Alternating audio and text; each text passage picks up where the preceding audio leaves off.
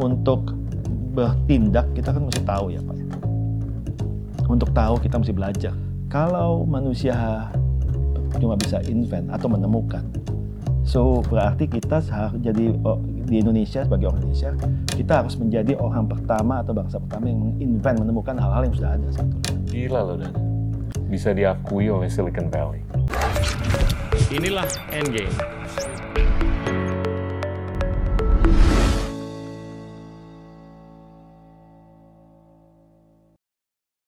Halo teman-teman, terima kasih sudah menjadi teman setia Endgame. Cek rilis terbaru dari Future Narrators Merchandise Collection dan dukung terus misi kami untuk mencari ide-ide terbaik dari narator-narator keren lainnya. Link pemesanan ada di deskripsi. Now back to the show.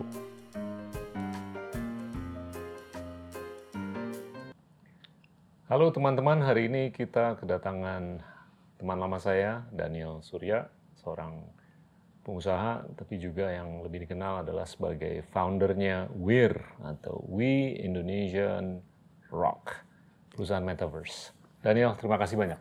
Terima kasih Pak Gita buat waktu dan undangannya. Tolong diceritain deh perjalanan hidup Anda. Waduh, Lahir tanggal 31 Mei tahun 71, 71. you're six years younger than me.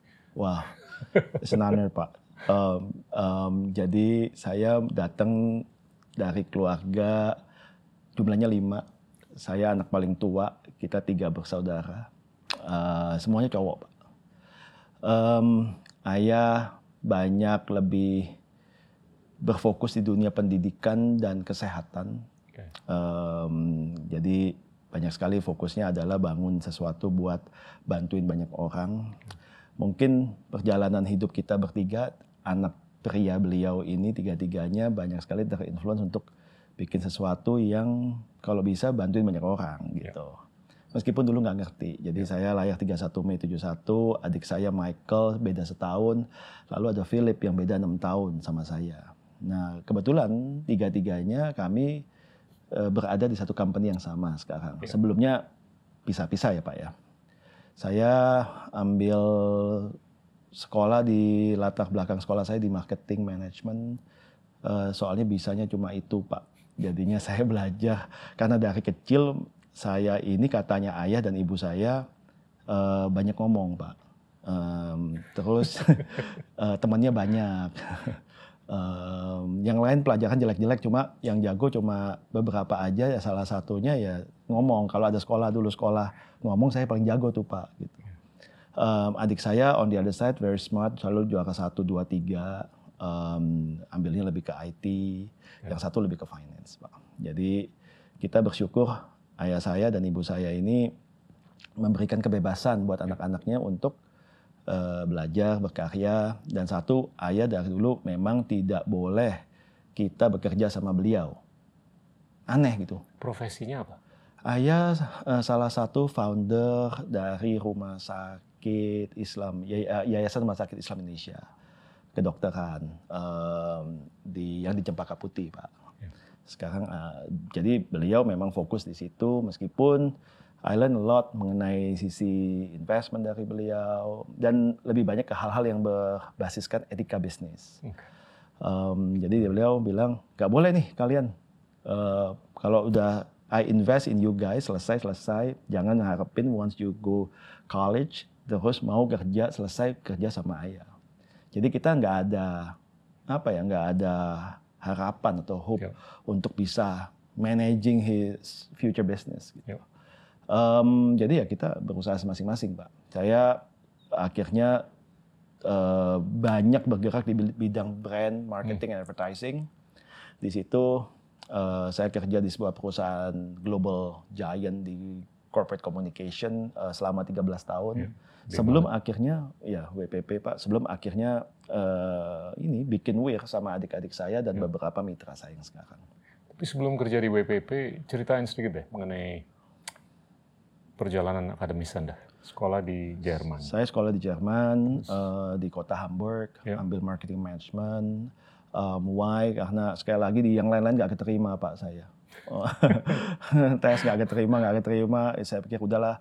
Ayah udah bilang if you don't graduate ya udah habis you ya gitu kan. Eh, tapi mungkin karena saya terlalu aktif Pak Gita gitu. Terlalu aktif Um, I did di- dari SD SMP SMA university itu kerjanya jualan aja di I mean kalau ada hari Valentine saya jualan apa jualan paling saksi sibuk lah Pak. Ya. Um, saya mikir um, gimana ya Kok saya dulu mikir kenapa kok orang mesti belajar marketing and- sales gitu. Betulnya kan Ya. itu kan mesti udah ada di kita kita gitu. Ternyata saya baru tahu ada orang punya talenta beda-beda gitu Ya. pak. Eh, lalu setelah selesai saya langsung kerja di eh, perusahaan Jerman yaitu Wella Ya. Eh, yang eh, hair care, Shampoo, shampoo, ya. Hmm. treatment yang lain-lainnya. Eh, saya fokus banyak di, di kategori profesional bukan di retailnya. Jadi my clients dulu itu adalah para pemilik salon. Ya. Di situ saya senang banget pak. Kenapa? Soalnya ketemu orang kan ngomong Ya. dan pemilik salon itu kita bisa canvassing dari sana satu satu tempat satu lainnya kita belajar gitu kan. Saya belajar banget dari teman-teman di di Wella, lalu saya masuk ke garment eh, company dulu ada namanya Great River Ya. sebagai marketing manager eh, dan sampai akhirnya mendarat di sebuah agensi namanya Landor Associates. Ya. Di situ eh, saya bilang bidang perfect gitu Pak. Soalnya kenapa saya bisa belajar ketemu orang banyak. Terus saya hobinya ngeliatin sesuatu segala sesuatu yang berbasiskan desain. Dulu saya kepengen banget sekolah desain tapi juga nggak keterima. Entah kenapa gitu pas kalau keterima marketing. Em, dan di situ saya eh, enjoy banget dan belajar dari banyak clients Pak. Termasuk Bapak.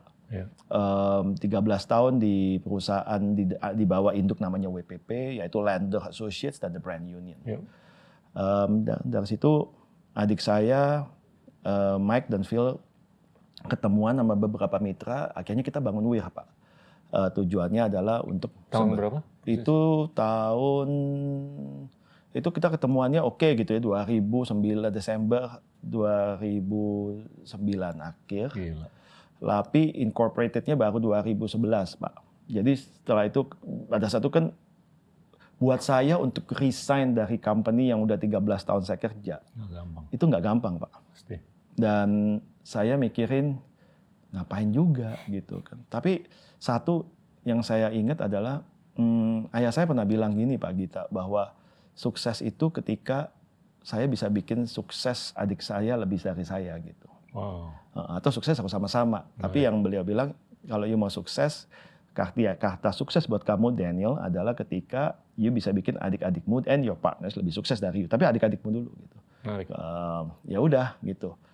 Itu mengganggu saya sih. Itu nggak gampang loh Dan. Enggak, iya. Saya juga mikir kenapa gitu kan Iya ayah kan? saya enggak enggak gampang. Dan dan di keluarga tuh yang lebih berpengaruh ayah ya. Ayah, Dibanding ayah, ibu ayah. Ayah, ayah, Oke. ayah banyak sekali berpengaruh dari sisi hmm, saya mengcraft sebetulnya mesti ngapain sih kalau udah gede gitu kan bisnis. Um, Ibu lebih kalau my mom is uh, ya biasalah ibu rumah tangga Ya. gitu kan uh, yang lebih ke value-value yang untuk jaga supaya kekeluargaan tetap utuh gitu kan. Tapi ayah banyak men- menginfluence saya dari sisi pengembangan bisnis, um, jagain adik-adik, being anak yang paling tua gitu kan. Um, sebab you nggak bisa sebetulnya ngelihat orang lain susah, tapi kalau lihat adik you susah bisa berarti something wrong with you dia bilang gitu. Um, so hal-hal itu saya dapat dari ayah pak. Mm, Jadi ya perjalanan saya, Tapi itu dalam loh. ya dulu saya nggak ngerti itu dalam Filosofi pak. yang diajarin untuk mensukseskan adik dan teman-teman lebih daripada diri sendiri. Iya. Dulu saya bingung sih, Pak. Saya bingung gimana, ngapain gua aja belum sukses gitu. Dan saya nggak merasa kalau saya sukses kan menurut sukses ukuran sukses mungkin buat adik saya beda gitu kan. What if kalau dia minta lebih gitu? Kan saya selalu gitu. Hmm. Tapi saya baru tahu bahwa ayah saya juga bilang yang sama ke adik saya secara terpisah gitu. Waktu Michael balik, dia tuh gampang diyakinkan untuk mendirikan bisnis dirinya. Hmm, surprisingly Atau dia skeptis. surprisingly nggak sulit sih pak. Mungkin saya yang pada saat itu agak em, apa ya mikir pak gitu kan. Hmm. Tapi jujur sih there was a crisis di di dunia pada saat itu sembilan eh, menu akhir 2007 2008 terus kemudian ada krisis di company yang company was fine Pak. Cuma you know with big company ada uh, conflict and politics selalu. Tapi saya bertahan kan di situ uh, there was one moment saya akhirnya mengatakan oke okay lah ini mungkin momennya saya. Tapi yang paling besar mendrive saya itu adalah I think kata-kata ayah saya membuat there's a apa ya Pak caring and passion yang yang yang mungkin ya saya betul-betul cinta sama adik-adik saya gitu kan. Hmm. uh, terlepas ya adik kecil pasti ada aja konflik tapi saya mikir hmm, kalau ayah saya bilang gitu melulu berarti kan there's something yang beliau harapkan gitu. Dan tentu saja kalau beliau ngomong gitu pasti Maimam pasti juga tahu gitu kan ya udahlah um, saya belum pernah ngasih apa-apa ke ayah nih selama hidup kan kan saya nggak pernah pre-order ya Pak Gita yeah pre-ordering minta sama yang di atas bilang saya dilayakkan lewat dua orang tua ini. Yeah. Uh, saya dilayakkan sebagai orang Indonesia. Yeah. Kan nggak minta pak, saya nggak pre-order. Yeah. Uh, saya minta dilayakkan sebagai pria, kan nggak pak. Yeah. Tahu-tahu saya ohe gitu lah ya. Yeah. Indonesian, cowok gitu kan. And lewat dua orang ini gitu kan. So there must be a purpose yang mesti saya Pasti. balikin gitu kan. Um, dan saya bisa mikir gini ya saya yakin orang tua saya there's a process of pendidikan itu iya. secara nggak yeah. langsung gitu. Betul. Um, ya udah pak saya bilang oke okay, let me do it. Tapi saya bilang sama Mike eh, ini kalau lima tahun aja ya kan saya mulai 39 tuh pak 38 37 kalau gagal gitu kan pak saya masih bisa balik nih kerja nih gitu kan apply apply masih laku lah gitu yeah. kan eh nggak bisa pakai terusan. Ternyata saya belajar juga bahwa once you commit, you have to commit sebagai pebisnis. Yeah. Uh, up and down, you have to commit gitu kan. Ya udah pak, ya tabungan dibuka lagi, invest gitu kan pak. Uh, it was dan Mike bidangnya computer beda. vision. Jadi jadi wirausaha itu pengusaha beda, beda, Pak, beda dibanding jadi karyawan. Betul. Terus Mike bilang, augmented reality, AR. Nah. Dulu nggak ada singkatan augmented nah. reality, AR dia bilang. Siapa yang ngerti? Iya, account receivable Mike, saya bilang gitu. Iya, tapi karena combination jadi lucu Pak. Jadi tech is important buat menjadi bagian daripada kehidupan manusia. Brand itu selalu kan diajarin kita bagaimana membangun relevansinya yes you can build tech tapi it needs to be relevant. Jadi saya sama Mike tuh is a good perfect sama tim yang lain ya, it's a perfect combination gitu. Lethal.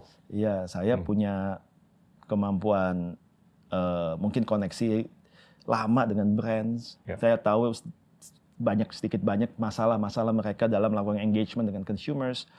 And most of them pasti ingin efisiensi, ingin speed, ingin quality tetap di deliver hmm. dan efisiensi, speed segala macam itu bisa di, di, diraih dengan adanya teknologi. Yeah. Dan itu terbukti bukan hanya di Weir tapi ada ada ojol, ada ada e-commerce, e-payment meskipun masih sangat baru dan yang membedakan mungkin kita pada satu berpikir saya mungkin karena tahun 71 kelahirannya saya mikir hmm, zamannya saya waktu mulai sama Mike itu belum ada visi belum ada istilah namanya startup pak. Um, ada sih tapi mungkin masih itu ya pak ya? jauh gitu. Ya gitu ya pak ya. Jadi saya bilang ya sama Mike ya dapetin duit dari brand dibayar terus grow ya. Soalnya saya mungkin lima tahun mesti you take over nih CEO position gitu um, wah perjalanannya nggak mudah sih pak tapi ya menarik pak Terus gimana? Bisnis modelnya yang bikin ini sustainable apa tuh? Awalnya Weir itu bikin solution buat brand supaya mereka dapatkan engagement yang lebih baik dan bisa di measure melalui um, dengan menggunakan platform AR, tapi harus menggunakan handphone, Pak. Phones o layar. Layarnya nggak hanya di phone, tapi juga di screen, yang mana pun kita lihat layar itu menjadi medium utamanya. So bisnis modelnya simple Pak, B2B. Dan 2009 tuh smartphone udah mulai udah mulai pervasive kan. Udah mulai. Terus kita yeah. melihat kondisi oke okay, Indonesia, Indonesia AR augmented reality untuk tracking ambil image taruh di sebuah konten di sebuah medium hmm, um, kota dua kota tiga internet pada saat itu belum sebagus sekarang what should we do makanya kita mikirin banyak solusi pak salah satunya let's go to mini market gitu yeah. let's go to ibu-ibu gitu yeah. kan um, Um, tapi kita tahu bahwa bukan tahu pak, meraba dan percaya bahwa uh, the future will be immersive. Internet itu akan berubah sebab kita ngelihatnya dari internet lahir yang bunyinya kayak the buzzing bee kalau connect cheat gitu. Iya. Web 1.0 yang cuma bisa dibaca, static, gak ada apa-apanya, kita nggak bisa ambil foto, nggak bisa upload.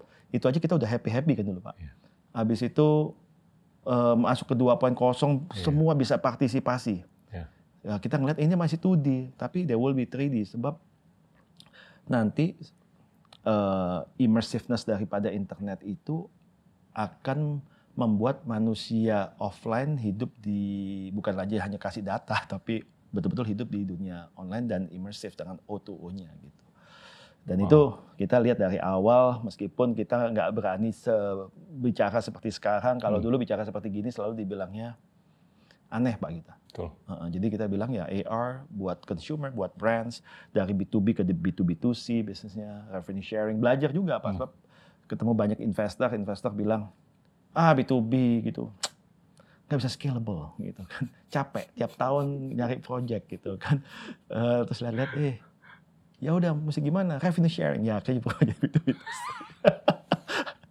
belajar pak belajar pak Eh, I'm in I'm I'm in the process of learning even until today pak Iya. jadi nggak Itu mah endless. iya endless pak Terus sempet rugi nggak? Halo teman-teman, saya sering kali ditanya di sosmed. Saya ingin ikut berkontribusi untuk Indonesia yang lebih keren di 2045. Baiknya mulai dari mana? Mungkin salah satu saran saya yaitu belajar public policy. Nah, itulah pentingnya public policy. Start to change is definitely also policies, right? Dan untuk mendeliver itu tadi butuh teknologi, butuh uang, dan butuh policy. Nah, pemahaman terhadap analisis kebijakan itu memungkinkan kita untuk mengaktualisasikan solusi untuk berbagai permasalahan, apalagi yang sifatnya struktural. Tidak hanya di pemerintahan, tapi juga di dunia usaha maupun non-profit. Mantan Sekjen PBB Ban Ki-moon, Perdana Menteri Singapura Lee Hsien Loong, dan jurnalis Rachel Maddow, semuanya adalah lulusan jurusan Public Policy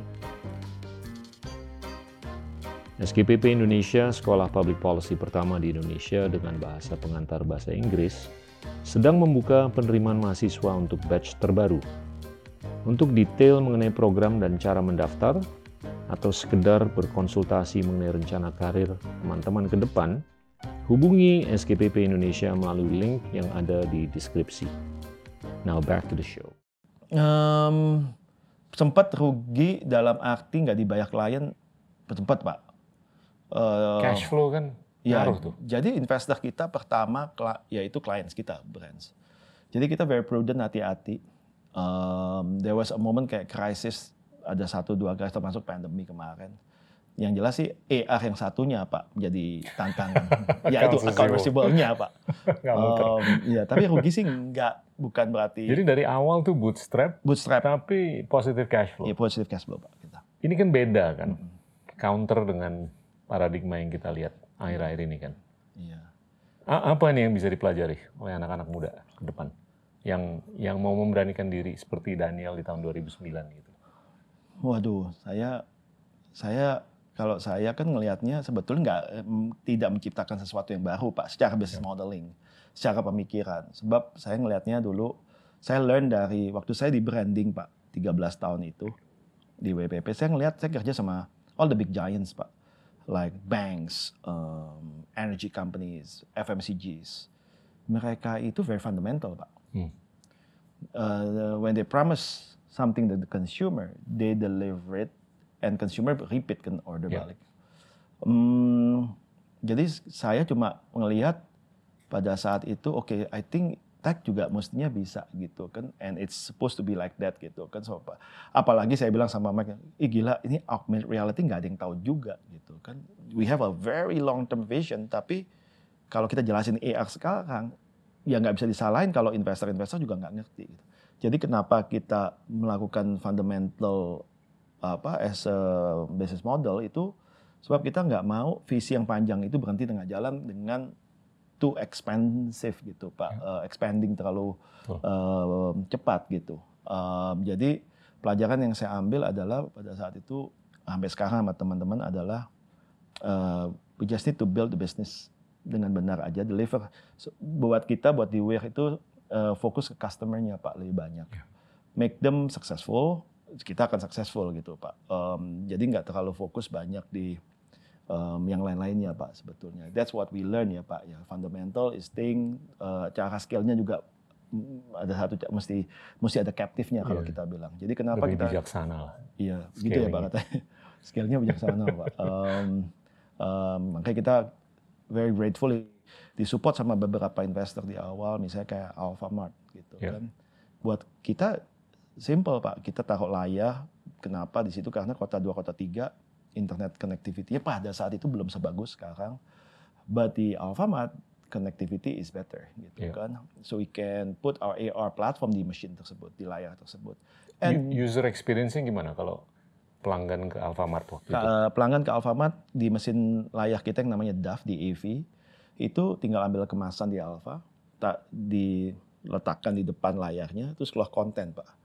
Nah di situ bisa measure kan sebetulnya siapa yang pegang, siapa pria atau wanita, berapa lama dia pegang, terjadi pembelian apa enggak. Meskipun mesin tersebut tujuannya bukan bukan awalnya bukan buat kemasan, kita ada rencana lain kan singkatannya aja digital avatar, Pak. DAF itu. Di AV itu digital avatar dan kita udah taruh di Alfa tuh enam tahun yang lalu. Kalau dulu kita bilang ini digital buat digital avatar, diketahuin orang pak kita. Meskipun sekarang semua orang ngomongin avatar gitu kan. Iya. Jadi kita ada kayak gitu-gitunya sih pak, bikin relevan, relevan. Oke, balik balik ke bisnis model yang Anda rangkul. Ini pelajaran khususnya akhir-akhir ini kan, di mana banyak perusahaan yang nge-burn-nya nggak karuan. Untuk kepentingan scaling ternyata nggak nggak kejadian tuh, Iya kan? Dan makanya VC sekarang agak-agak lebih hati-hati. Iya pak. Jadi ibarat kata ada dua rute lah kalau orang mau jadi pengusaha, ya kan? Dia bisa menggunakan paradigma yang biasa dengan dapat duit yang banyak dari VC, terus dia scale up, profit belakangan mau 2, 3, 4, 5, 6 tahun lagi. Iya. Atau dari awal kita lebih hati-hati selama jelaskan. If if you had to start over, anda mau nggak mempertimbangkan rute scaling yang dengan burn Eh, rate-nya tuh tinggi? saya mungkin masih tetap ambil yang jalur yang sekarang sih pak. Iya. Uh, Soalnya that's kan saya nggak mengatakan yang satu itu mungkin tidak Inferior. Uh, uh, Ya, nggak. oke. Sebab saya belum mendapatkan knowledge untuk me- mengikuti pathway yang itu. Iya. gitu. Um, buat saya selama ada fundamentalnya, maybe jalan kedua baru bisa di-combine di hybrid gitu, Pak. Ya. Um, tapi fondasinya mesti ada dulu gitu Ya. kalau buat saya. Kenapa? Sebab saya dan tim di WIR itu masih mengerti yang jalur ini gitu, Pak.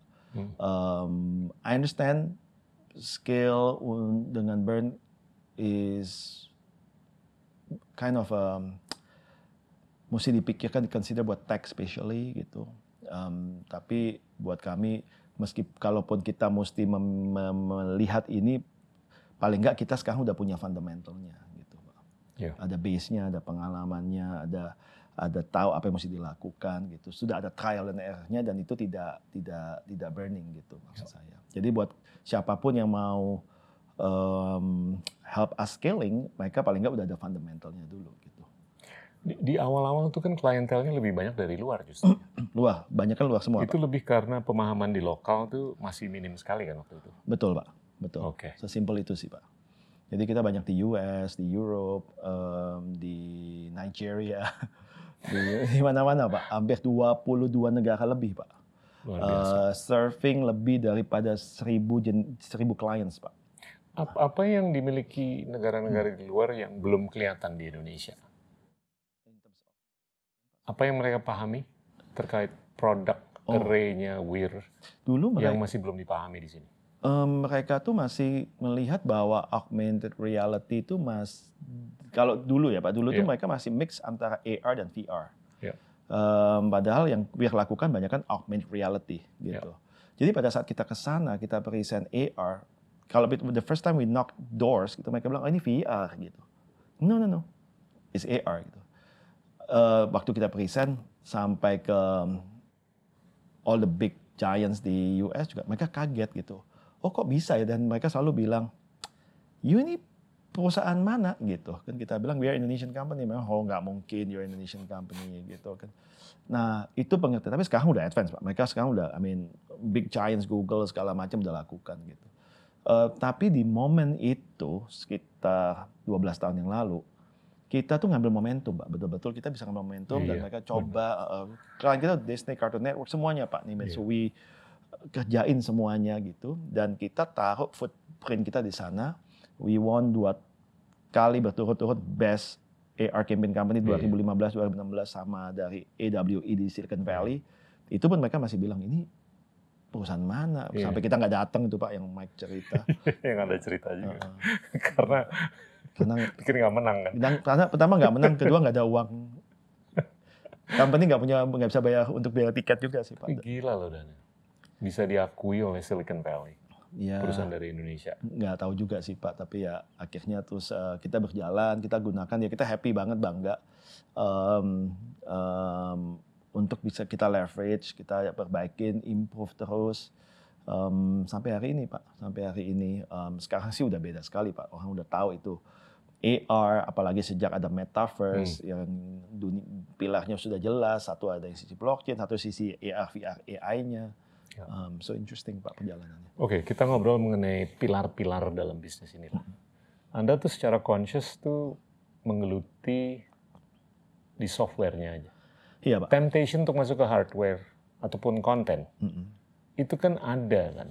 Tapi kenapa enggak ke konten hmm. ataupun hardware? Dua-duanya perlu hmm, capex dan opex gede banget Pak. Okay. Dan kedua, hmm, ya kita kan fokusnya memang hanya di software pak dan ya. platform. Ya. Uh, kita jagonya di situ dan itu yang menurut kita paling visible dan kalau dilihat dari ekosistem metaverse yang sebelumnya kan ada dua tuh pak, uh, the hardware dan konten dan platform. Yang paling mahal ya sebenarnya di hardware dan konten pak. Ya. Um, dan platform everybody di big giant udah bikin cuma karena kita percaya metaverse itu as an ecosystem pak. Sebetulnya akan mendrive orang atau consumer. Dulu hidup manusia itu offline, Pak. Yeah. And then tahu-tahu jadi online, Pak. Orang menyangka di drive dengan semuanya akan online, digitalisasi, digitalisasi. Tapi kalau di web 3.0, yang all the online tinggi itu akan divalidate, perlu validation offline, Pak. Dan itu uh, makanya kita percaya bahwa the platform yang penting adalah platform yang menjaga kepentingan Indonesia supaya pada saat validasi uh, oke okay lah data udah di tempat-tempat platform asing itu, tapi kehidupannya itu ada di Indonesia. Sehingga kita punya dignity dan sebagai bangsa Indonesia untuk memiliki ini jiwa kita dan hidup kita sebagai virtual Indonesian gitu. Bukan ya data udah di sana-sana kan Pak, Betul. tapi kehidupannya mesti di kita gitu. Okay. Uh, hardware very expensive pak. Yeah. Konten teman-teman lain juga udah invest konten. I mean, if we're talking about content like Pixar, Disney. Mereka udah waduh Gila. gila-gilaan, Pak. Kita tuh cuma Weir itu cuma build the platform and O2O components, platform O2O-nya dan platform metaverse-nya buat Indonesia. Dan Indonesia alone itu udah banyak, Pak, sebenarnya gede. Um, tapi uh, bayangin kalau di dunia web 3.0 there's a world yang namanya metaverse dan orang generasi dunia ataupun generasi muda Indonesia berikutnya merasa lebih nyaman hidup di dunia online ini yang tidak kita miliki platformnya atau hmm. tidak tidak bisa kita kita apa pegang gitu itu akan lebih berbahaya pak sebab yeah. uh, 70% kehidupan kita aja sekarang udah online semua kan. Gimana menjaga integrity hmm. dari platform ini? Hmm. Dari pengaruh-pengaruh yang mungkin kurang baik okay. dari hardware ataupun dari konten? Um, satu, um, kita harus isi dengan banyaknya kepositifisan. Jadi uh, positivity di yeah. awal penting pak kita masukin. Jadi um, five religions mesti ada, yeah. gitu kan. Education, wah itu paling penting pak. Yeah. Tapi harus dibahasakan, diterjemahkan dalam bentuk kebutuhan generasi berikutnya, gitu yeah. kan um, semakin banyaknya konten positif yang masuk itu akan membantu untuk membalance dan menjaga hal-hal yang baik buat web 3 platform web 3.0 hmm. Pak. Um, tentu saja di samping itu government mesti mesti awasin pak. Ya. Uh, mesti ada regulationnya nanti. Ini kita nggak ngomongin regulationnya NFT dan kripto ya pak. Siap. Ini saya ngomongin lebih yang sisi dari uh, pendekatan yang yang psikologi, Ya. moral dan Betul. yang lain-lainnya pak. Ya, internet pertama kali hadir di dunia juga kan uh, banyak yang menentang pak sebetulnya. Betul. Tapi yang paling menentang adalah uh, organisasi keagamaan pak Ya. kita. Zaman dulu itu mereka menganggap kalau internet itu intinya setan gitu kan. Ya. Apa yang kejadiannya? Kejadiannya 50% lebih uh, internet itu kontennya negatif sekarang pak. Ya. Dan yang Hmm. belum 3D aja udah negatif, apalagi nanti yang immersif gitu pak. Dan Apalagi yang avatar. Waduh Pak, ya asetnya bisa dimiliki oleh individual dengan NFT gitu kan. So, Oke, saya putar lagi nih Dan. Sorry ya, kita agak drill down di sini. Ini kan Anda punya keyakinan bahwa sebagai platform owner atau creator itu integritinya tuh sangat bisa dijaga dari intervensi atau interference dari konten ataupun dari hardware. Hmm. Kalau diputar balik gimana? Sejauh mana atau secepat apa Anda justru bisa mempengaruhi konten ataupun hardware hmm, dari tengah? kalau metaverse, metaverse itu kan bukan punyanya satu company Pak. Iya. Bukan punyanya, maksudnya metaverse Indonesia mestinya dimiliki oleh seluruh bangsa Indonesia. Ya. Kalau semuanya bisa put dan bergerak, Ya. mestinya kekuatan hardware ataupun konten itu bisa di manage. Betul. Jadi buat Weir, Weir itu uh, juga kalau Powerful loh dan powerful sekali. iya betul sih Pak. It's like you have YouTube, Iya. uh, tapi bukan hanya video an- hanya untuk komunikasi gitu kan atau it's basically putting the life into Hmm. dan, dan dan platform ini kan is internet evolution Pak. It's not Betul. just a platform gitu. Jadi mesti metaverse itu harus dimiliki oleh semua orang di semua bangsa dan mereka harus ambil part andil masing-masing. Hmm. Dan Metaverse Indonesia platform yang kita bangun ini dilengkapi dengan O2O-nya itu itu doesn't belong the plat, bukan buat bukan miliknya WIR Pak mestinya miliknya Bank Indonesia dan ini mestinya di di, Di drive. open source kan. Iya, di open source kan. Dan dan oleh dengan ini kita bisa menjaga kehidupan masa depan generasi berikutnya dengan lebih baik. Em, sekarang 70% 80% kehidupan kita, Pak, apalagi di kota satu, Pak, itu sudah ada di online kan, Pak. Tapi pertanyaannya kalau kita ambil foto, eh, upload video di YouTube ataupun di mana pun, eh, itu datanya punya siapa? Gitu. Iya. Em, orang masih ribut masalah data, tapi sebetulnya yang ditargetkan kan bukan hanya the data, tapi kehidupan imersif di masa depan yang akan menyebabkan generasi berikutnya itu merasa, oh lebih nyaman di online. Kalau sekarang aja udah nyaman, tapi ini lebih nyaman lagi Iya. sebab saya bisa mengekspresikan jati diri saya atau my second life itu secara real. Second life Hmm. Identitas yang kedua itu setiap orang punya, Pak. Sebab mereka merasa di offline atau di web 2.0 eh, di offline itu saya nggak bisa mengekspresikan siapa sebenarnya saya dengan banyak hal lah, Pak. Alasannya karena misalnya orang tua nggak boleh ambil kuliah ini, ini mesti gitu. Banyak hal, banyak hal, Pak. Jadi second life itu muncul, Pak. Second life itu muncul buktinya aja simpelnya kalau Bapak lihat platform maaf kalau saya bilang Instagram. Apakah Wah, bisa profil di. Instagram itu sama dengan kehidupan offline-nya? Enggak, Pak. Bayangin your profile, your second life profile di Instagram itu menjadi 3D dan hidup. Iya. Jadi you can live inside it gitu kan. Nah, that's web 3.0. Dan semua komponen aset digital kayak foto, mobil, foto sama rumah, you can own it tapi bentuknya 3D. And your life is lebih nyaman gitu, Pak. Hmm. Itu yang ditargetkan oleh all the big giants. Mereka melihat bahwa there's an opportunity bahwa I don't I'm not only we are not only apa ya owning your data but we own your kehidupan. Ya, your future. Iya. Saya saya mau tanya, ini, ini terkait dengan struktur sosial yang akhir-akhir ini kelihatan ya, di mana anak-anak muda sekarang tuh bisa dibilang adalah generasi yang diasuh oleh TikTok dan Instagram. You Ya. amply mentioned it. Ya. Dan bagaimana konten yang ada di platform ini sangat tidak tereditorialisasi kan. Hmm. Seperti yang kita udah bahas sebelumnya. Lebih dari 3 miliar orang lihat, nggak dikurasi, nggak dieditorialisasi. Sedangkan anak-anak kita tuh kebanyakan hanya ngeliat HP dan ngeliat TikTok, Instagram aja. Hmm. Quality time yang dialokasikan dengan orang tua dalam rumah tangga, Hmm. seperti yang Anda alami waktu Anda masih kecil, saya juga, itu nggak seperti dulu lagi. Enggak, betul.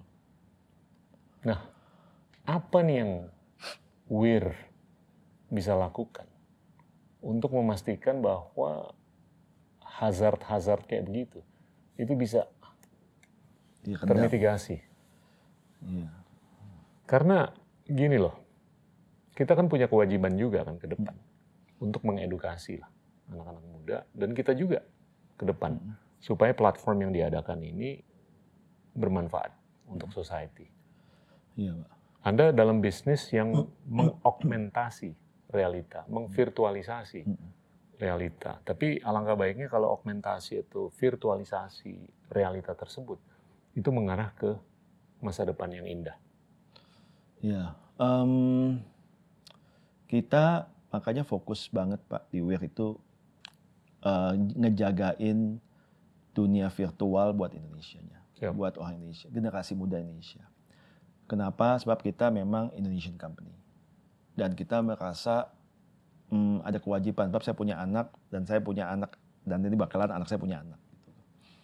Hmm, kita takut sekali untuk mengatakan oh kita akan bikin platform untuk nanti seluruh dunia bisa ada di sini enggak pak kita fokus jaga Indonesia Ya. dan caranya adalah selain membangun platform yang kredibel yang bisa kunci kata kuncinya pertama divalidasi pak. Siap. jadi when you become avatar contohnya then you need to be validated di offline-nya.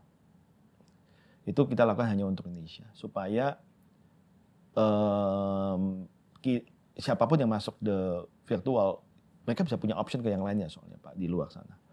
Mereka lebih tahu bahwa oke okay, there's a benefit ataupun utility ataupun there's a reasoning kenapa kok saya mesti ada di platform ini dengan jelas karena ini Indonesia dan saya yang kedua pak itu konten positif pak Ya. jadi kita mencoba meletakkan banyak sekali mengundang banyak sekali kolaborasi dengan para creators Pak yang nantinya web 3.0 creators untuk bisa membangun konten-konten positif tapi dengan bahasa dari bahasa em, generasi berikut gitu. Selebihnya kita seperti kata kunci tadi Pak kita bilang education Pak. Jadi Ya. kita terus mengedukasi kita tuh roadshow ke semua hampir semua university Pak. Kalau yang undang university kita rajin banget datang Pak. Kita we want to tell them look metaverse bukan hanya ini atau ini ya. Ya. This is the whole ecosystem. This is eh, impact-nya ke depannya. So kita build this dengan segala kemampuan kita untuk supaya kita sama-sama ngejagain gitu. Em, saya nggak bisa, saya nggak punya eh, belum ketemu cara-cara lain pak. Hmm. Kami di WIR kami melihat bahwa oke let's protect Indonesia dengan platformnya, eh, bikin validasinya sebab anytime those big giants mau lock in dengan Indonesia, Indonesia itu smart um, dan dan nggak bisa karena mereka nggak punya validation offline-nya gitu. Um, dan mereka mereka bikin soalnya pak China, US, they, they, they bikin offline. Cuma mereka kan lihat setiap negara itu kan beda-beda, masih ada ke, ke kelebihan dan kekurangan masing-masing. Indonesia kita masih lihat masih ada cash society yang besar. So kita cepat-cepat lakukan ini. Tapi yang paling penting is education mengenai apa itu metaverse dan metaverse buat kami bukan hanya sekedar NFT, bukan sekedar hanya VR, tapi is the next evolution of internet yang mesti kita mau Ya. nggak mau pasti semua akan masuk gitu kan. Betul. Hmm, it's a good question Pak, tapi itu yang kami usahakan dan itu education to many itu penting, jadi penting. Gini dan sorry to drill down on this point, tapi kalau saya lihat ya anak-anak sekarang tuh saya udah beberapa kali lah ngangkat ini. Anak-anak sekarang tuh lebih cenderung berkomunikasi antara mereka-mereka aja. Ya kan? Mm. Saya tuh selalu menggunakan metafor dari 7,8 miliar. Ini kebanyakan mereka hanya mau ngumpul dan komunikasi di kalangan mereka aja. Tapi mereka kurang berkomunikasi dengan generasi pendahulu kita. Oh iya, iya. Yang meninggal dunia kan selama ini kan udah 107 miliar manusia kan. Komunikasi itu kan namanya sejarah kan. Dan saya nggak tahu gimana perhatian saya tuh anak-anak sekarang tuh kurang belajar sejarah. Iya kan? Mereka tuh lebih suka, lebih teradiksi dengan kekinian. Bahkan mengenai masa depan juga agak-agak kurang. Kekiniannya ini. Apa yang bisa dilakukan dalam konteks avatar atau dalam konteks metaverse, dalam konteks AR ataupun virtual reality, untuk bisa menjembatani mereka nih, lebih ke belakang Supaya ada spion gitu loh, Iya, iya. iya kan? Iya. Dan juga bisa ke depan juga, ke masa depan. Em, avatar itu kan menjadi identity pak yang Iya. menyebabkan sebetulnya setiap orang akhirnya akan jadi kekal kan pak. Yap. Em, jadi kita bisa menghadirkan misalnya avatarnya Gus Dur gitu, di depan di ruangan ini Wow. tanpa pakai VR dengan kacamata AR ataupun dengan phone biasa aja. Iya. Nah Gus Dur avatar itu bisa atau animation ini istilah zaman dulu Iya. kan gitu. Eh, itu bisa bicara dan dan menceritakan sebetulnya sejarah Indonesia, perjuangan Indonesia versi Gus Dur dengan data-data AI yang sudah ada. Eh, data AI yang sudah ada, contohnya kalau kita ketik Gus Dur di Google kan keluar semua. Itu tinggal di-convert ke voice, dikonekin lagi ke animasinya.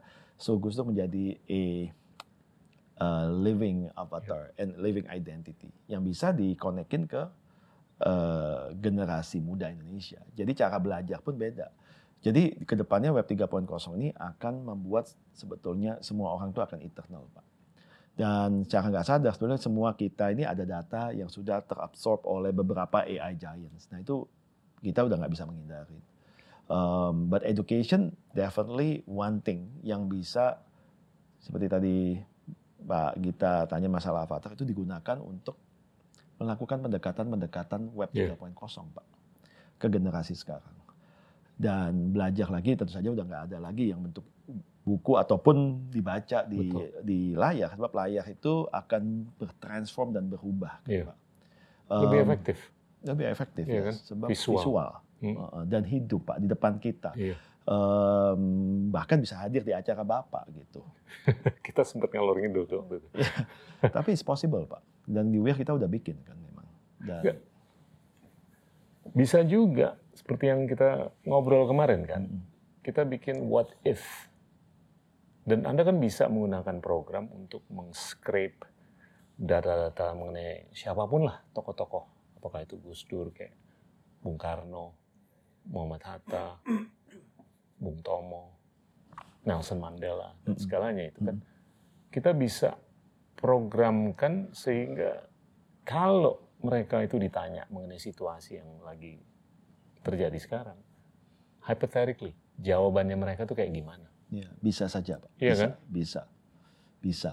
Em, em, dan memang itu akhirnya kita em, mesti mesti mempersiapkan eh, a program supaya bisa mengkurasi em, apa kontennya jawaban-jawabannya kan. Iya. Sebab kalau hanya berdasarkan menggunakan maaf availability data yang mereka yang sudah ada di AI giant yang sudah ada di US misalnya itu tentu saja akan dijawab sesuai yang ada. Nah Ya. makanya sekarang ini di Web 2.0 itu adalah pembangunan collection of data-data kita secara benar ke dalam AI, baik itu Google, Facebook, dan lain-lainnya. Now, apakah data-data E yang ada di situ 100% benar? Belum tentu, Pak. Belum tentu. Iya kan, because some media bisa tulis Yang salah. bikin mereka bukan kita, Exactly. yang mengkompil, mengkompilasi mereka Betul. juga bukan kita. Apakah foto-foto yang ada di Web 2.0 ini sekarang semuanya 100% benar? Belum tentu juga. Belum Pak. tentu. Lalu apa the next-nya kalau kan banyak cerita istilah hoax dan ini menyebabkan depression dan skala kesal- kesalahpahaman dan anak muda bisa bahkan bunuh diri dan segala Iya. macam. The web 3.0, the beauty adalah they will the platform itu akan memvalidate Pak dengan adanya blockchain, memvalidate memvalidasi those information. Pak. Iya. Dengan apa Pak? Dengan harus adanya offline. Di, jadi ada Menarik. proses validation setelah mengumpulkan data. Ini kayak mengumpulkan apa ya Pak? Kayak mengumpulkan barang, mestinya kotak-kotak-kotak semua, tapi ada yang bundar masuk yang kan akan ada waktunya, ada wayanya internet itu akan divalidasi kembali oleh manusia yang menggunakannya karena manusia merasa enough is enough. Dan, nah, validation itu ada di Web 3.0, Pak. Gimana caranya memvalidasi? One of the way, the best validation adalah connecting to offline, Pak. Iya. O2O jadi key. Nah, thanks to blockchain, itu bisa dilakukan. Thanks to immersive experience, akan lebih mudah dilakukan.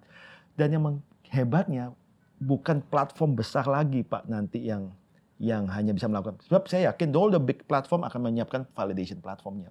Tapi di lokal, tiap negara tuh bisa bikin gitu, Pak. Nah, ini yang di refresh kembali, reboot kembali itu, Pak. Iya, ke sana, Pak. Ujungnya ke sana kan. Iya, Pak. Oke lah, kita coba bungkusin dalam konteks apa yang kita pernah ngobrol. Ini kalau kita mengacu ke, by the way itu data-data mengenai depresi, anxiety, bahkan bunuh diri di kalangan anak-anak muda itu real dan iya, betul. jauh lebih tinggi daripada apa yang kita lihat Oh, gitu ya, Pak, ya? sebelum-sebelumnya.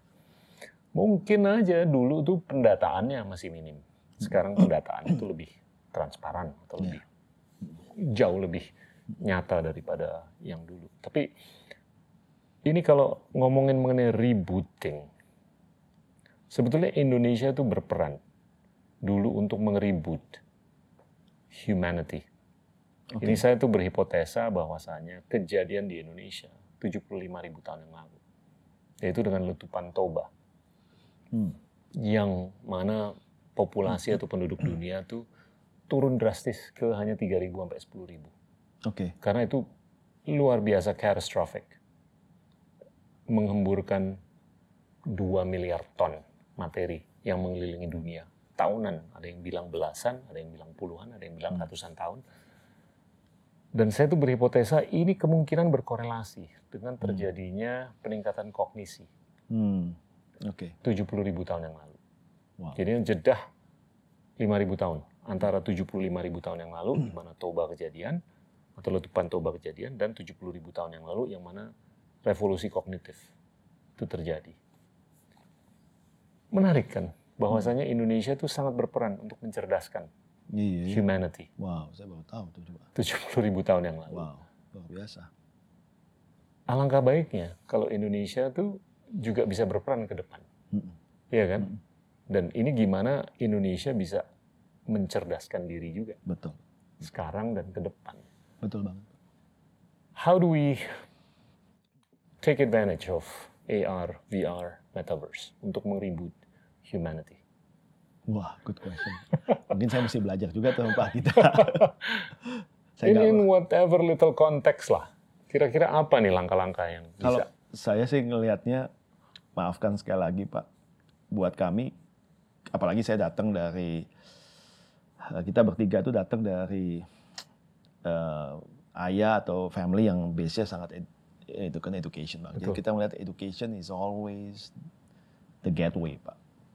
Em, cuma masalahnya bentuknya gimana nih gitu kan. Betul. Eh, online learning, tapi dan mempermudah eh, mensimplify apa pun yang tadi saya jelaskan. Saya merasa kadang-kadang apa pun yang tadi saya jelaskan tuh nggak nggak belum bisa sesimpel yang saya inginkan, Pak. Iya. Eh, banyak yang masih bingung, Pak. Tuh. Eh, eh, eh, Pak Gita aja yang ngerti gitu. Enggak, enggak, Ya, enggak. gitu. Saya, saya, bahkan gini loh Daniel. Perusahaan-perusahaan besar pun, kalau Anda perhatiin ya, senior-seniornya, itu kayaknya nggak memahami. Iya, iya. Begitu sebagaimana disruptif Iya, it's massive sih. teknologi baru ini. Massive, massive. Iya kan? Heeh. saya saya sama teman-teman di Wear itu mencoba untuk berbagi. Kita happy banget Pak berbagi em, supaya mereka jelas dan bisa Iya. menjaga diri dan membangun juga. Em, dulu waktu saya anggap aja ambil satu salah satu platformnya Web 2.0 yang dulu nggak dimengerti juga kayak misalnya YouTube gitu kan. Banyak yang nggak ngerti, bahkan yang mempertanyakan atau mentertawakan bilang apa sih ngapain gitu kan. We have a channels di TV kita. Sekarang ya dulu banyak yang ngetawain internet. Ih bunyinya kok aneh. Gitu kan. This is betul Pak kita bilang. This is kita tuh lagi di evolution baru lagi nih. Jadi eh, kalau kita nggak nggak tangkap um, dan tidak belajar, um, um, kita pasti ketinggalan pak gitu. Dan Weir udah bangun dari sisi imersifnya pak, bukan dari sisi blockchainnya itu udah jalan 13 tahun. Uh, so kita ngelihat visual partnya itu jadi penting pak. Yep. Um, kita tiap hari nggak lepas menggunakan panca indera kita untuk mata untuk melihat pak. Yeah. Dengan melihat kita mendapatkan knowledge gitu, pak. Uh, imagine yang kita lihat dulu buku baca sekarang kita bisa ngelihat the content in real gitu Gila. dan nggak ada bedanya lagi kita merasa hidup di offline dan online very Betul. immersive pak Uh, Facebook udah keluarin touchable gloves Gila. mereka coba untuk supaya the 3D itu bisa dirasakan Hmm. di touch Hmm, semua orang bilang "Ah, itu nggak kayak kita dulu pegang handphone aja pak Ya, saya datang dari generasi telepon rumah tuh masih masuk tangan tuh masih gerak gini Betul. pak lama-lama Sekarang berubah tinggal ngomong aja udah iya pak nyambung. Iya, saya datang dari generasi ibu saya suka bilang jangan nonton TV dekat-dekat. Untuk melihat sebuah konten itu saya jangan dekat-dekat, jangan dekat-dekat. Saya bilang gimana nggak dekat? TV-nya dulu hitam putih, saya nggak jelas gitu kan. Eh, akhirnya berwarna dan semakin besar, frame-nya semakin tipis. Saya bilang sama anak saya jangan lupa keluar dari dunia virtual kalau sudah main VR gitu kan. Layarnya udah di sini pak. Nah itu immersiveness-nya ada dan hebatnya lagi everything, anything yang kita lihat nanti as a content itu bisa kita own pak. Tapi dengan ownership dan melihat seperti itu akhirnya terjadi validasi pak. Iya. With validation pak. Sebetulnya diharapkan yang hoax hoax hoax hoax yang nggak benar-benar jadi tersaring. Pak. Kesaring, kekurasi. Iya terkurasi. Cuma kekuatannya akan shifting nih Pak. Makanya perusahaan besar tuh yang sudah menguasai mereka tahu mereka akan mencoba quote unquote centralized di decentralized gitu kan. Centralizing decentralization gitu kan. Cuma mereka juga Itu agak ngeri. ya itu ngeri banget sih Pak. Internet ini, ini itu nyambung ke. Bitcoin juga sih. Iya benar. Kripto. Iya kan? Ya, internet itu yang kali ini datang persis yang mungkin Bapak bilang eh toba, Pak. This is the big wave of internet kalau Iya. menurut saya. Em, dan menurut teman-teman juga. Cuma wir bangunnya bertahap dengan bangun dulu relevansi, relevansi dapat uang supaya tetap bisa menuju sana. Em, seperti itu. Saya, saya mau coba draw a parallel ya. antara apa yang terjadi dengan Bitcoin garis miring kripto. Lebih Bitcoin lah, karena Bitcoin kalau menurut saya itu manifestasi dari sistem yang relatif sukses mendesentralisasi. Mm. Iya kan? Iya, Pak. Secara peer-to-peer, dengan pemberdayaan software yang terdistribusi, untuk menyimpan nilai, Mm-mm. untuk mengirim nilai Mm-mm. dengan cara yang akuntabel, Mm, Betul. real time, dan transparan. Ini kan sebetulnya manifestasi dari kegelisahan manusia Betul sekali, Pak. terhadap sistem yang sentralistis. Betul, Pak. Artinya apa tuh? Sistem yang sentralistis itu banyak flaw-nya atau ada flaw-nya, Betul. ada kelemahan kan. Hmm. Kalau saya draw paralel antara itu dengan metaverse,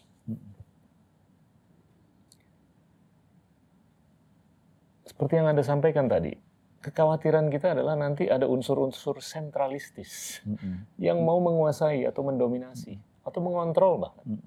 Hal-hal yang semestinya itu harus di- disentralisir Betul, untuk kepentingan yang mulia. Apakah itu entertainment, kayak pendidikan, kayak spiritualitas, kayak apa pun lah. Iya. Yang di disrupt di Web 3.0 is a big, huge governance, Pak. Iya, Udah bukan lagi companies, Pak. Iya. sebetulnya. Jadi ini em, seperti tadi Bapak bilang, Bitcoin. Em, dulunya transfer uang 100 dolar yang dari Middle East yang terima di Indonesia cuma 90 dolar, kepotong 10 dolar tiga hari lagi baru sampai. eh, tiga hari pak ya tiga hari tepat sekali Pak. 10 dolar untuk biaya sentralisasi server, gitu kan kasarnya Pak. Akhirnya dengan desentralisasi, dibagi, dipecah ke beberapa server, didistribusikan oleh server, divalidasi oleh siapa pun yang punya server gitu kan, itu bisa lebih efisien. Um, tentu saja, it membuat beberapa giants akan terganggu kan Pak. Tuh. Gitu. Uh, cumanya kalau udah financial dan kita melihat sebetulnya semua banks itu sekarang itu kalau saya lihatnya banks itu bukan bukan banks Pak, tapi tech company Pak with banking license kan. And they invested so much money. Tapi kalau mereka lihat ini sebagai satu yang harus di mana consumer nanti beredar, mereka juga akan ikutin Pak. Tapi sistem mereka selalu sentralisasi gitu. Iya. Nah ini yang akan menarik Pak. Saya nggak tahu eh, ke mana, tapi kan ada beberapa bank di luar juga sudah mulai masuk ke metaverse. Nah, mungkin dalam tahap-tahap awal, tapi the backbone pemikirannya adalah ya consumer bilang ya you guys are too expensive, we need to make it more clarity, transparent, and make it cheaper dengan di kan mereka bilang validasi di tempat saya enggak sekarang validasi itu bisa dilakukan di semua orang gitu kan Ya. nah itu powerful pak nanti efeknya ke mana-mana sih hebatnya ya, sorry, balik lagi ke Bitcoin. Karena saya tuh penasaran mengenai metaverse ke depan. Balik lagi ke Bitcoin, hebatnya Satoshi. Siapa pun lah, dia mungkin Mukidi namanya, tapi menggunakan Satoshi Nakamoto. Dia membangun software ini, platform ini, terus ditinggalin. Iya. Dan sustainable sampai sekarang. It's like Dan udah diupayakan oleh beberapa kekuatan yang besar untuk mengontrol apakah itu dari sisi miningnya atau pengontrolan nodes-nya, tapi nggak berhasil iya betul untuk mengsentralisir sesuatu yang desentralistis. iya benar pak Hal yang sama kan bisa kejadian kan? Betul. Dengan selama dengan catatan bahwa kalau ada institusi atau kekuatan-kekuatan yang besar itu melihat bahwa apa yang dilakukan lewat metaverse, augmented reality ataupun VR ini nggak nyambung dengan kepentingan mereka yang pre-existing, bisa aja kan dikrek digituin, sangat sangat bisa sih pak. Ya kan? Itu agak-agak dystopian untuk kita semua yang menginginkan masa depan yang lebih baik. Iya. Sebab sejak internet awal berdiri seperti World Wide Web itu cuma dikasih aja kan. Iya, Tapi there's super power control yang selalu akhirnya muncul. Akhirnya mereka menjadikan itu, tapi di bawah pengawasan mereka. Ya. Ini maaf Pak ya itu cerita yang sudah lihat sejarah yang sebelumnya perjalanan. Di Web 3.0, I'm sure there will be new few players ataupun datang dari old money yang akan mencoba mengkontrol ini. Gitu. Iya. Ya, kalau di di AR the identity, identity manusia Betul. akan jadi hidup dan itu kita ngomongin platform database-nya, tempatnya segala macam.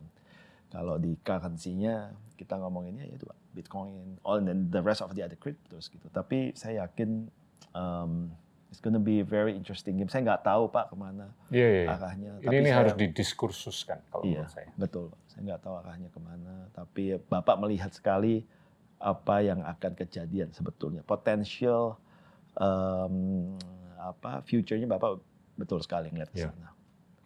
Dan oke, we're go public Pak. tahun ini. Mm-mm. Lompat harga sahamnya.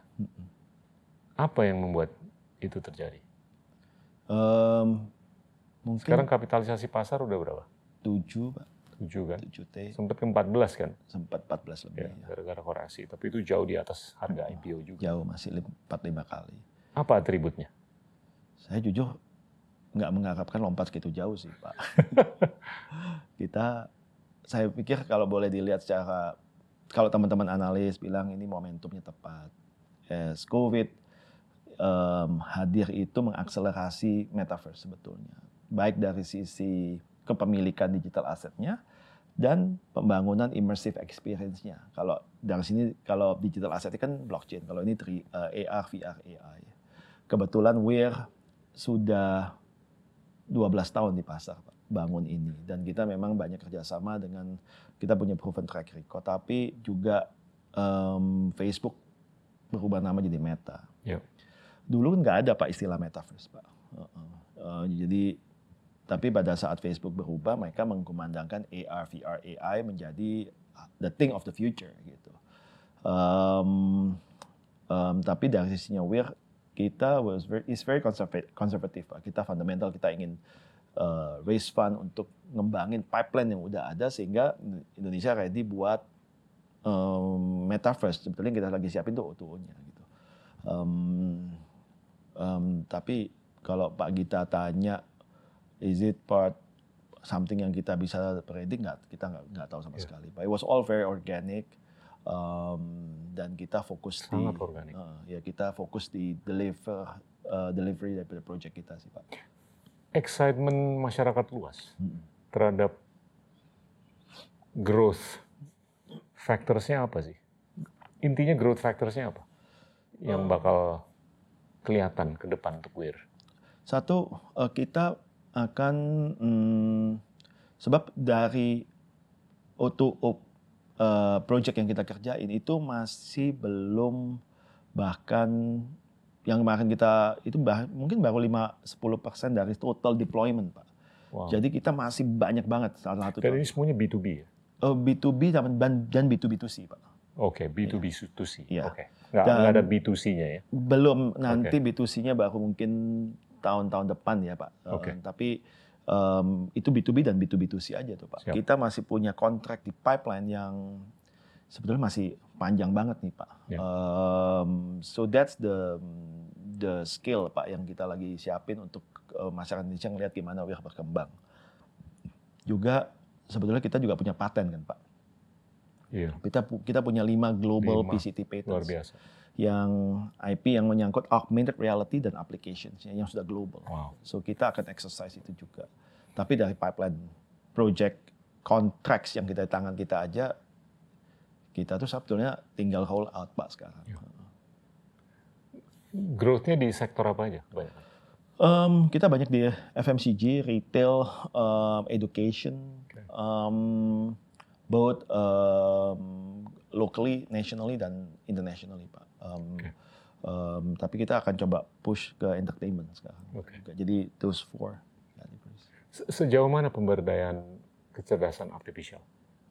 Kita lihat um, AI platform yang kita bangun di metaverse ini uh, very crucial pak penting banget jadi kita sekarang banyak sekali contohnya kita uh, hiring a lot of AI expert pak Ya. Um, both it, di locally dan dari luar juga kita ada satu baru aja join kita itu namanya Preben Week itu um, kayak AI guru dari Norway yang Ya. yang bantuin kita untuk melihat gimana pemetaan AI itu bisa secure dan dan kuat buat in- buat buat WIR dan Indonesia. Itu kalau kita lihat apa ya laporan-laporan dari Silicon Valley, salah satunya kan yang dikeluarin oleh anggaplah ARK Invest. Iya pak. Itu dia menggambarkan delta nilai ekonomi dari beberapa sektor. Artificial intelligence, blockchain, robotics, energy storage, sama genomics. Ini totalnya aja 200-an triliun dolar dalam 10 tahun ke depan. Ya. Tapi tahu nggak yang paling besar di mana? AI. Iya, iya, iya. Terus yang lain-lain itu jauh lebih kecil. Dari situ aja saya udah ngeliat, ini gila nih Iya. pemberdayaan AI Iya. untuk khususnya yang Anda lakukan. Iya Pak Amin, kalau Pak Gita jadi avatar, avatar kan is just a simple animated Iya. um, characters kan, Iya. bisa 3D, that's nice. Tapi untuk mem- membuat uh, seorang Pak Gita avatar Pak Gita hidup, kan mesti disuntikan oleh soul-nya. Soul-nya is Iya. your AI Pak. Iya. If you type Pak Gita Wiryawan di Google kan keluar semua. That's your soul Pak, yang di collected Iya. by AI. And that's where your AI itu akan, eh, your AI avatar itu akan menjadi smart atau tidak, itu tergantung oleh data yang terkumpul. Sekali lagi, it it's it's needed to be validated kan. Nanti di Iya, web 3.0. Iya, iya. kotak sama bulat-bulatnya itu Iya, harus betul. dicari kan. Se- Se, se, se, seberapa lama sebelum kita ngelihat Oh, a untuk yang really damn good uh, avatar? five years from now, Pak, em, tiga lima tahun dari sekarang. Kita nggak ngomong Mirip seperti Daniel duduk di situ, Iya. ngomongnya gayanya sama, pola pikirnya juga sama Iya. dan segalanya. Soalnya kan bukan robot, Pak ya. Iya. Kalau Bapak, lihat paling gampang ikutin aja industri perfilman, Pak. Iya. Film King Kong, Pak. Itu avatar. Iya, nggak ada King Kongnya kan. King Kongnya nggak ada. So we take that King Kong element 3D on the platform yang yang avatar dan kita konekin sama datanya King Kong di AI mau pinjam dari mana pun gitu. Dan the King Kong becoming very smart, Pak. Dan ini bukan robot kan, Pak. It's a movement of avatar. Um, uh, ke depannya sih saya lihat uh, you you can build your own avatar easily like you build your own YouTube video, Pak. That's scary. Yeah. And you can connect it directly. Dan ini implikasinya kan ke macam-macam. Oh iya, Pak. Spiritual, Oh iya, iya, iya. edukasi, Oh, yes. budaya, politik, geopolitik. The future political campaign, not the future. Tapi in the near Iya. future, it will Bisa become- paralel campaign. Oh, oh iya, iya, pasti. And hebatnya bisa divalidasi, Pak. Kalau sekarang kan di web 2.0, you cannot, Pak. Ih, ngeri. Semuanya bisa bikin all the hoax stories kan. Oke, gimana untuk kita bisa menghindari distopia nih? Karena gampang banget untuk mikir secara distopian. Iya sih, Pak. Ya pengennya kita utopian lah. Ini yang bagus kan konsekuensinya. Wah gimana ya Pak ya? Um, um, kembali lagi sih, I think we need to be well educated sih on Yeah. the things that we are hadapi ini apa. Seperti Pak kita bilang, gimana cara analoginya Bapak mungkin yang tadi toba itu mesti kita bisa sampaikan dalam bentuk pemahaman metafor seperti itu Pak. Sebab kalau kalau wir aja sendiri yang kelilingan gitu kan nggak bisa ya Pak. Iya. Jadi there should be a, um, mesti lebih banyak Pak Gita wiryawan yang lain gitu. Mesti ngomongin ini. Saya lagi mikir, lagi mau nulis sih mengenai itu. That's one thing. Itu perlu dinarasikan. Iya. Karena Indonesia itu berperan untuk mengribut humanity 70 ribu tahun yang lalu. Dengan kejadian yang terjadi di Indonesia 75 ribu tahun yang lalu. Iya Pak. Wow Pak, ya Pak, I um, will will be very happy to support your book Pak. Soalnya kan ini bukan we are I'm, I'm not saying ini buat company kan tapi buat buat eh, banyak buat Indonesia Pak gitu. Iya. Eh, Jadi ya You gotta think big. ya If you think big, the small Iya, things benar. happen. benar sih Pak, benar. Iya kan? Benar. Saya selalu ngomong lu mikirin main course-nya aja deh. Mm. Jangan mikirin appetizer sama dessert. Ya, ya. So yeah, it's um it's a big wave of internet kalau kita bilang. It's jadi gini, internet itu kan lahir masih bayi pak gitu kan, belum nunjukin jati dirinya nih. Dia nih akan nunjukin jati dirinya nih si Iya. internet. This is the time pak, the web 3.0, where it takes over the one who created Iya. internet, whoever the person was, tapi now they are becoming smarter pak. Internet tuh jadi smart banget. And all of a sudden mereka tuh bikinin baby-baby avatar manusia yang hidup offline menjadi di dia gitu. Dan smart. Oke, ini nyambung dengan apa ya era sekarang nih yang mana kita tuh melihat festivalisasi atau sensasionalisasi untuk mencari popularitas. Mm-mm. Itu lebih dikedepankan. Sekarang di web 2.0 iya benar sih Pak. Iya kan? Iya. Tapi you sound atau you keep sounding bahwa itu akan berubah. Akan berubah Pak.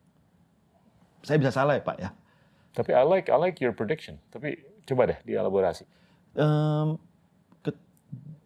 there was so much crisis sebelum pada saat internet lahir web 1.0 dan 2.0.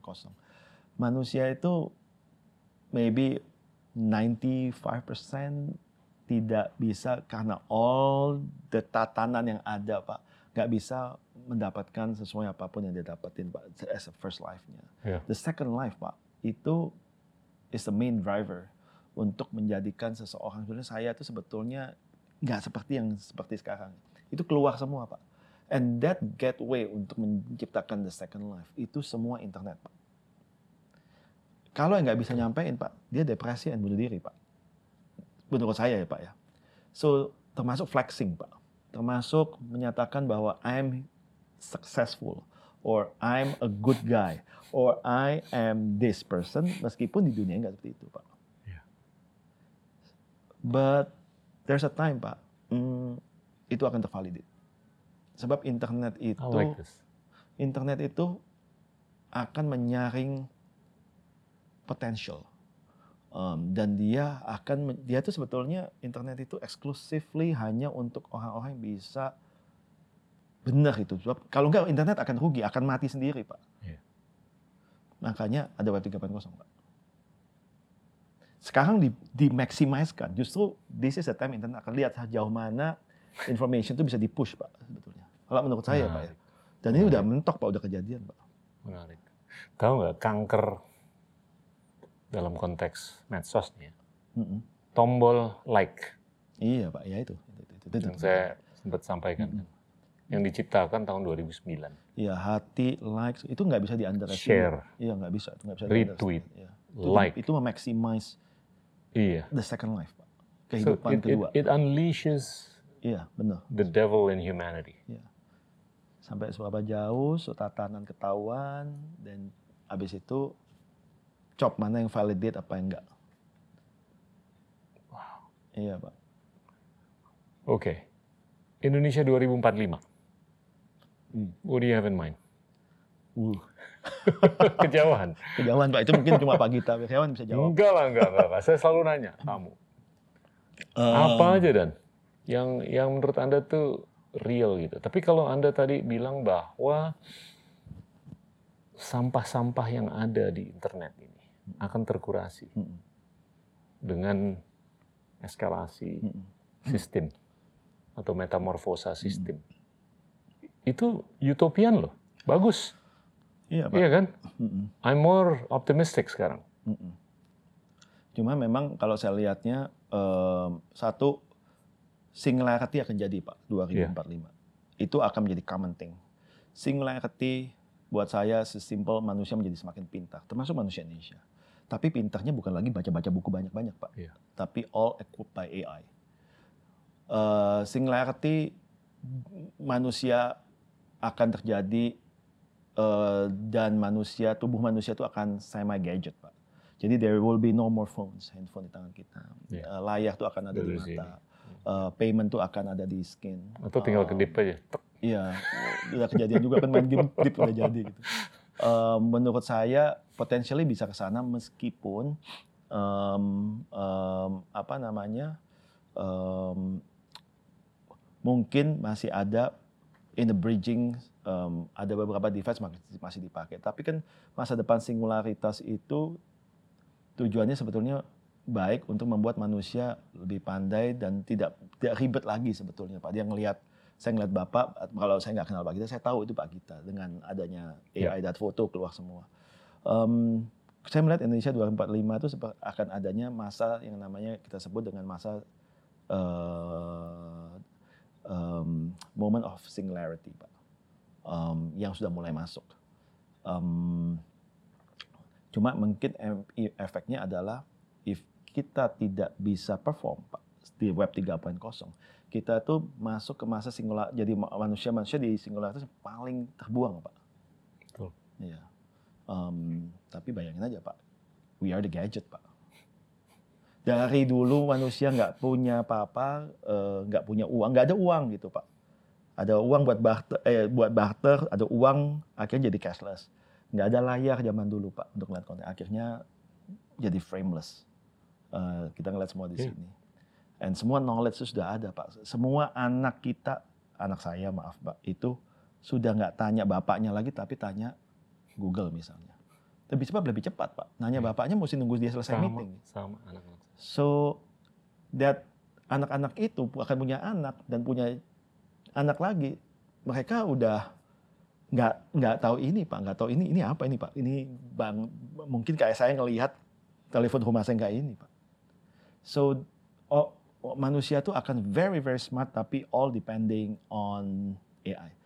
The danger adalah ketika in sebuah negara Indonesia itu nggak Yeah. punya platform AI-nya sendiri, because when they switch off pak, that's it pak. Then you becoming orang-orang yang paling kayak mayat hidup pak, terbelakang. Wow. Termasuk kripto pak, itu kuat banget pak, Kuat apa? kuat banget. Akan seperti itu switch off-nya. Kalau Iya. misalnya kita nggak siapin dari sekarang. Iya. So bayangin internet can switch off and kita semua jadi a physical badan tanpa tanpa soul pak soul quote unquote ya pak ya. Gila. Kan, maaf ya pak, sini kan 2045 ya pak ya. Betul. Dan saya ya udahlah pak udah. Dan banyak orang yang belum bisa berimajinasi atau membayangkan konsekuensi dari singularity ini. Interseksi dari biological intelligence Oh iya pak. artificial intelligence. Wah ini Itu membuahkan superhuman. iya it's superhuman pak. Ya, IQ bisa betul. seribu, Yes pak. Benar tinggi sekali. badan bisa dua setengah meter, Betul pak. Dan itu kan nggak umur hanya bisa sampai 150 sampai 200 tahun. Betul Pak. Itu kan nggak hanya frameless and cashless, semua faktor tadi Bapak bilang Pak. So, so itu akan Indonesia akan masuk ke masa itu di awal itu Pak. Sebetulnya kalau kita nggak ready dari sisi itu, ah udah sih, just switch off. That's like the ultimate augmentation. Yes, ya yes, that's Dari kalau Bapak kehidupan. bilang itu is a nice term sih betul sih Pak. Apa yang kita bisa lakukan Daniel untuk menyiapkan generasi penerus? Em, Anda kan punya tanggung jawab juga kan? Iya, tanggung jawab moral kan? tanggung jawab komersil juga udah ada. Itu udah terbuktikan. eh, mesti bantu Pak Gita kali ya, terus edukasi terus nih Pak. Habis Saya sih ya semakin banyak saya di domain edukasi. kuncinya sih ya saya sih very old fashion ngikutin ayah saya aja sih. Em, untuk bertindak kita kan mesti tahu ya pak ya. Untuk tahu kita mesti belajar pak. So kita nggak nggak bisa dan nggak boleh menutup diri kata dia. Iya. Em, sebab nggak ada sesuatu yang diciptakan baru menurut beliau yang bisa create itu kan cuma Tuhan, Pak. Jadi manusia itu sebetulnya cuma invent, kata beliau. Jadi saya percaya aja bahwa kalau manusia cuma bisa invent atau menemukan, so berarti kita jadi di Indonesia sebagai orang Indonesia, kita harus menjadi orang pertama atau bangsa pertama yang menginvent, menemukan hal-hal yang sudah ada sebetulnya. Sebab beliau tuh percaya kalau semua udah disediapin gitu. Cuma masalahnya kadang-kadang rajin apa malas aja gitu. Kalau kita rajin untuk menemukan dan kita akan jadi HP. HP itu makanya slogannya nggak pernah create kan, tapi HP invent. I think it makes sense gitu. loh. Um, um, so saya di WIR sama adik-adik sama partner, kita berusaha keras. Sebab kita tahu kita bukan orang-orang yang paling kaya, kita bukan orang yang paling pintar, tapi kita orang-orang yang punya semangat buat Indonesia untuk terus menemukan hal-hal baru buat Indonesia, Pak. Gitu. Jadi, tapi kita nggak mau mengatakan bahwa diri kita tuh creator, Pak. sebab creator itu cuma atas, Pak. Iya. Gitu. Um, and that education part, Pak, jadi penting, Pak. Menurut saya ya, maafkan kalau salah nih, Pak kita. Ya. Saya sepakat. gitu sih. Saya saya hampir sama lah pemikirannya dan bagaimana kita semua bisa lebih berperan lah untuk mencerdaskan Iya, bangsa. Pak. Saya justru ya apa memohon bantuan dan petuah-petuah dari Pak kita dan teman-teman semua supaya bisa ya Wir ini bisa jadi perusahaan yang dimilikin sama semua Amin. gitu. Commercial is one thing tapi I think lebih enjoyable kalau kita melakukan hal-hal yang bisa relate masa depan buat generasi berikut gitu loh Pak. Iya. Hmm. Sebab seperti Pak kita bilang ini is a big wave Pak sebetulnya tapi nggak bisa dianggap remeh gitu. It's really big dan saya takutnya tuh banyak yang belum siap menghadapi Oh iya. gelombang ini, Iya, betul Pak. ya kan? Betul. Dan semakin penting untuk kalian tuh atau anda, saya juga siaplah bantu untuk mengedukasi Iya Pak. gimana untuk mentransisikan diri kita Iya Pak. ke masa depan yang bisa sangat exponentially beda. Iya, iya Pak. Em, kalau Bapak perhatikan di internet lahir web 1.0, web 2.0, itu kan perusahaannya beda-beda semua ya Pak. Iya. Nggak ada perusahaan Gugur yang Iya, satu, Satu dua Heeh. gugur, tiga ya dua beberapa masih ada. Dan sama seperti countries kan Pak. Hmm. Eh, berubah-ubah tatanannya. Tapi di web 3.0, saya melihat 2045 kalau ini akan akan adanya shifting bukan hanya on the company's level gitu Pak. Tapi on the country's level sih. Setuju. Tapi biasanya siapa yang bisa survive itu siapa pun yang bisa menunjukkan keterbukaan. Iya, betul. betul. Semakin kita nggak bisa menunjukkan keterbukaan, semakin kita tuh lebih gampang meleset Iya, atau benar. kepleset. Betul, Pak. Ya? Iya, benar, Pak. Benar. Setuju sekali, Pak. Ada pesan-pesan akhir, Daniel? Eh, mm, Ini, ini fascinating discussion. Saya nggak ngira kita bakal ngobrol kayak iya, begini. saya juga nggak ngira, Pak. Tapi Tahu mungkin nggak sekarang tuh banyak pengusaha-pengusaha tuh yang nggak bisa berfilsafat atau nggak mau berfilsafat. Oh iya, Pak ya. You're very good in philosophizing. Oh, masa sih? Curhat aja sih Pak ini tadi. Eh, enggak sih, saya sih bilang mungkin em, mungkin bukan pesan Pak, tapi lebih ke apa em, minta dukungan aja sih Pak. Siap. Sebab eh, kan seperti Pak Gita ngelihatnya, saya sangat saya I'm amazed Pak that you're si lihat seperti yang kita lihat bahkan lebih bahkan Pak kita lihat lebih banget. Em, but we need more people like you Pak gitu Amin. um, untuk bisa melihat ini jadi kepentingan bersama buat Indonesia. Gitu. Jadi kita saya di sini mungkin minta dukungan aja untuk didukung. Weir ini bukan it's just a small company yang dari Indonesia ingin mempersiapkan ini buat Indonesia. Itu aja sih. Small company with big vision. Thank you Pak. Amin. Thank you Pak. Makasih banyak loh. Sama-sama Pak kita. Thank you banget. Sama-sama. Ya. Teman-teman, itulah Daniel Surya, founder dari WIR, We Indonesian Rock. Terima kasih. Inilah Endgame,